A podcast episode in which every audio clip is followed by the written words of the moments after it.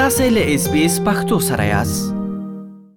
پر افغانستان د طالبانو له واکمنېدو د کابو څلور میاشتو له تیرودو وروسته د طالبانو مشر ملا هیبت الله څو ورځې وړاندې د ښځو د حقونو په اړه نوی فرمان صادر کړ په دغه فرمان کې تر ډیره د واده د حقونو میراث او د ټولنې د ناسمو دودونو په اړه پکې یادونه شوې او په نوي دولت کې د ښځو او نجونو د زده کړو او سیاسي ونډې د حق په هکله څه نه دي ویل شوي. همداراز په دغه فرمان کې نه دي روښانه شوي چې ښځې به تر کومې کچې په حکومت کې ونډه ولري او په کومو شرایطو به له کوره بهر فعالیت کوي.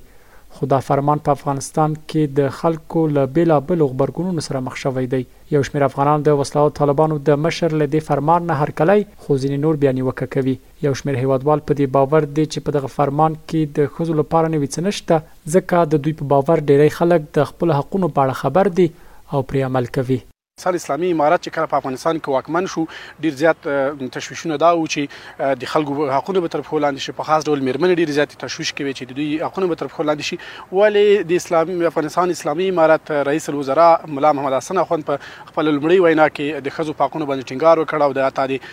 ښځو د تعلیم ډاډ ورکړ چې د ښځو د تعلیم لپاره به زمینه برابروي له هغه نه وروسته د تازه د دوی امیر د افغانستان د اسلامي امارت امیر کوم فرمان صادر کړی دی په دې کې شپږ ماده ییز پریکړه لیک چې راغلی دی په هغه کې راغلی چې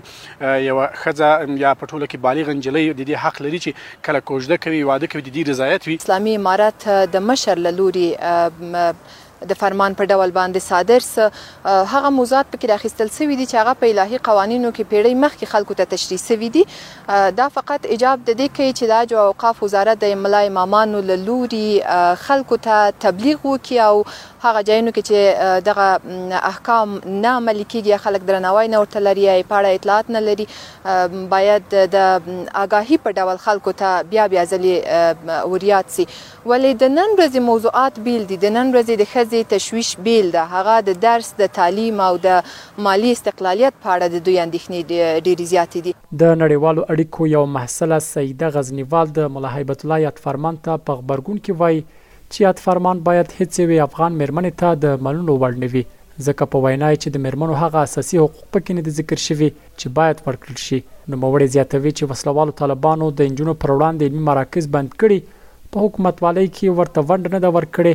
او د کار کولو له حقه یې محرومې کړي. سعیده پر وسله والو طالبانو غږ کوي، که دغه ډله غواړي په خپله حکومتوالۍ کې بریالۍ وي، نو ښه ده چې له ولس، ځوانانو او مېرمنو سره همغږي ولري، ځکه په خبره یې ښځو په تېرو شلو کلونو کې د جګړې قرباني وې او اوس نه غواړي چې د سولې او یا هم د دوی د حکومتدارۍ قرباني شي. هغه همداراز نړیواله ټولنې غواړي چې د نجونو او ښځو د زده کړو، کار او حقونو په برخه کې د غلي نه پاتې کېږي. دما نظر د طالبانو فرمان چې په ټولنیزو شبکو کې خپور کړی دی دا دی چې د هېڅ افغان مېرمن ته به د منلو وړ نه وي ځکه چې دوی هغه اساسي حقوق چې دي دا هیڅ نه دي ذکر کړي یعنی د زده کړو د کار کولو او همداسې په حکومتدارۍ کې ونده نو دوی د انجونو پر وړاندې علمي مراکز ټول بند کړي دي او همداسې اقتصادي ستونزې به حد ډېرې سوي دي او که چېرته دوی غواړي وښه حکومتدارۍ ولري باید خپل ولس سره ځوانانو سره ښځو سره همغږۍ ولري ځکه چې ښځې په د شلو کلو په تیر شلو کلو کې چې وي د جګړې قرباني اوس نه غواړي چې د سولې یا هم د دوی د حکومتدارۍ قرباني سي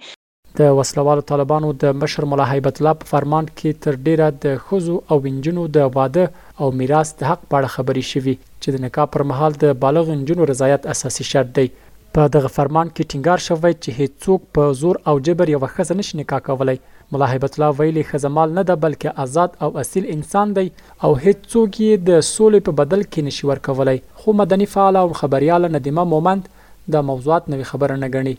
ځکه په باور یې کوم حقونه چې په فرمان کې راغلي دا نوي نه دي او له دې حقونو ټولې مېرمنې خبرې دي. نوموړې په دې باور ده چې طالبان په دې کار سره غواړي د نړیوالې ټولنې پام راواړوي ترڅو په یو ډول په رسمیت وپېژندل شي. د هغې په وینا، مېرمنې او انجونې د یوه انسان او د ټولنې د نیمایي وګړو په توګه د زده کړو، کار او په سیاسي او ټولنیزو برخو کې د ګډون حق هم لري. دا حقونه اوسني نه دي او نه نوي دي د ښځو لپاره. نوي به د ښځو لپاره دا وي چې دوی دې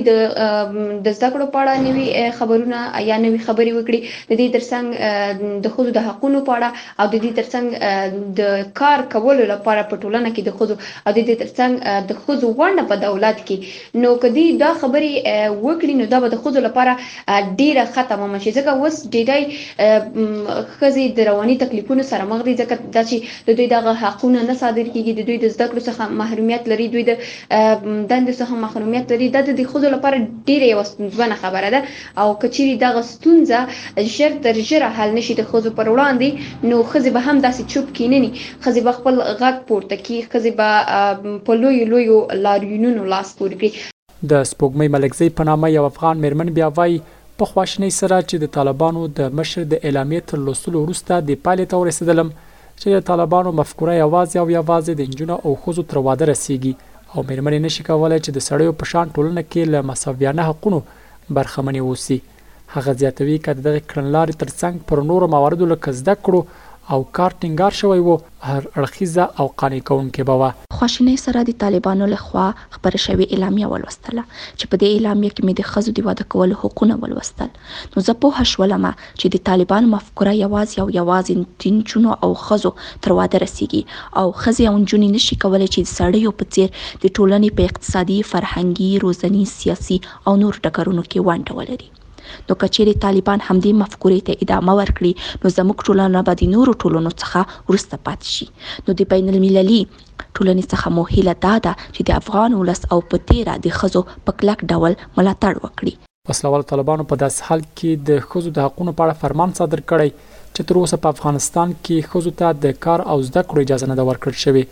که څه هم د طالبانو چارسمبالې کابینې اعلان کړی خو د ښځو هیڅ استازي پکې نشته همداراز د ښځو چارو وزارت هم د وزارتونو له لومړړه لري شوی دی دا په داس حال کې دی چې د طالبانو د حکومت پر رسمیت پیژندلو لپاره د نړیوال ټولنې یو شرط د ښځو او نجونو د حقوقو رعایتول دي که څه هم طالبانو ډېرې هڅې کړې چې د نړیوالې ټولنې ملاتړ ترلاسه کړي او په رسمیت وپېژندل شي، خو نړیوالې ټولنې تر اوسه د دوی چارسمبالی حکومت په رسمیت نه دی پېژندلی. خو له دې ټولو سره سره طالب چارواکي بیا ټینګار کوي چې دوی هڅه کوي هغه حقونه چې اسلام ښځو ته ورکړي،